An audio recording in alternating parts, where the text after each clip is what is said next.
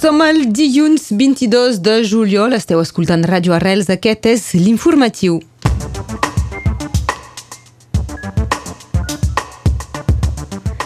Continua agreujant-se el balanç de víctimes mortals per ofegaments a casa nostra, amb una setena víctima ahir a Cervera. Inici d'un nou episodi canicular. Si 21 departaments de l'estat francès són en vigilància taronja, Catalunya Nord és de moment només en groc. Els dracs catalans van perdre a Salford pel resultat de 40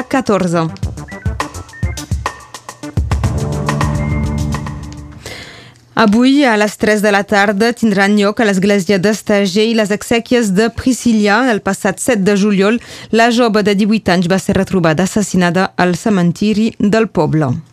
Un home d'uns 65 anys va morir ofegat ahir a finals de matí a Cervera mentre intentava dirigir-se cap a la creu que marca la frontera al mar.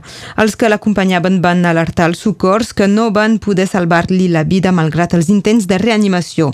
Es tracta de la setena víctima mortal des de l'inici d'aquest estiu per ofegament a Catalunya Nord. Aquest dilluns, a partir de les 9 del matí, té lloc una sessió pública del Consell Departamental, la darrera abans de les vacances d'estiu pels elegits. Hi ha 40 dossiers a l'ordre del dia. Destaquem que és avui que els consellers departamentals votaran la programació financera dels 30 compromisos que van sortir de la concertació amb la població feta els darrers mesos.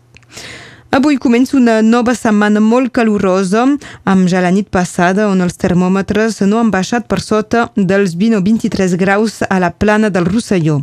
Les temperatures màximes, tot i que són més altes avui que els darrers dies, no són la principal preocupació, sinó les temperatures nocturnes perquè tenen tendència a no baixar. Aquesta situació s'hauria de mantenir tota la setmana fins divendres. Es recomana d'evitar de sortir en les hores centrals del dia, també també de tancar les finestres de casa, hidratar-se remullant-se el cos i bevent aigua, no fer esforços esportius i si es pot passar algunes hores del dia en llocs climatitzats com museus, biblioteques o magatzems. A Catalunya Sud també s'ha activat el nivell 2 d'alerta per aquesta onada de calor. Aquest eh, vespre al Camposanto de Perpinyà hi haurà el concert de la gira de comiat de Joan Bess. Es tracta del darrer concert a l'estat francès de la que és coneguda com la reina de la cançó Protesta. En canvi, li queden encara dos concerts a Catalunya, aquest dijous a Sitges i dissabte a Sant Feliu de Guíxols. La primera part del concert d'aquest vespre al Camposanto anirà a càrrec del Balbino Medellín. Hi ha greus incendis actualment al centre de Portugal. Aquest diumenge els bombers han aconseguit controlar quatre dels focs que van començar dissabte al districte de Castelo Branco. Les flames continuen actives mentre s'anuncia que ja s'han cremat més de 8.500 hectàrees. A l'estat espanyol, aquest dilluns al migdia comença el debat d'investidura del futur cap de govern.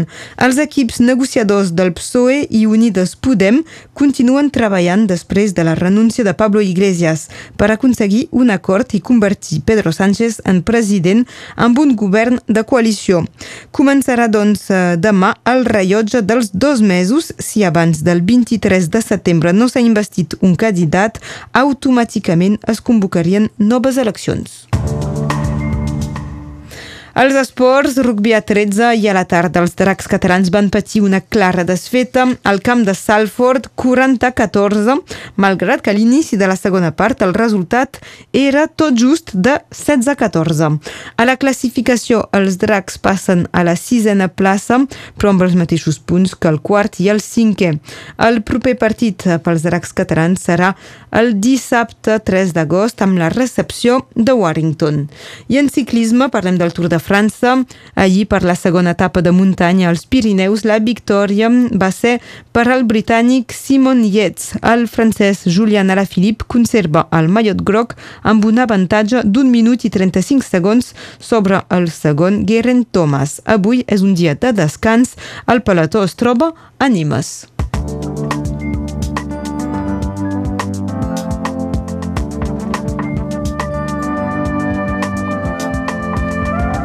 Deixem pas a l'informació del temps amb l'Enric Balaguer.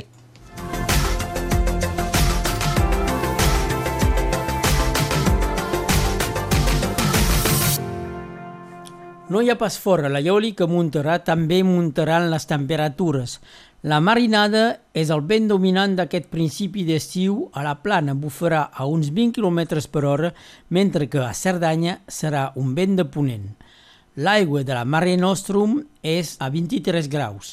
A les localitats costaneres, si les temperatures haurien de ser una mica per sota dels 30 graus, la sensació de calor serà d'uns 35 a 37 graus a causa dels vents càlids. Així farà 29 graus a Argelès de la Marenda.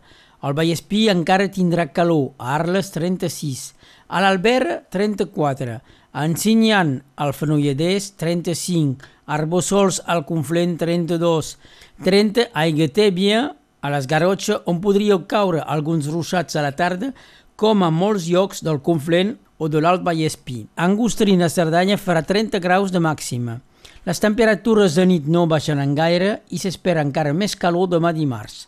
Fa just 10 anys, un 22 de juliol, feia 35,9 graus. És el rècord de temperatura màxima a Perpinyà des de que tenim registre. El sol es pondrà a la plana del Rosselló a les 21 hores i 19 minuts. Neix el 22 de juliol 1804 Victor Schulzer, polític francès conegut per haver tractat d'abolir definitivament l'esclavatge a França. Avui és Santa Magdalena. Per Santa Magdalena, la nou i la en plena.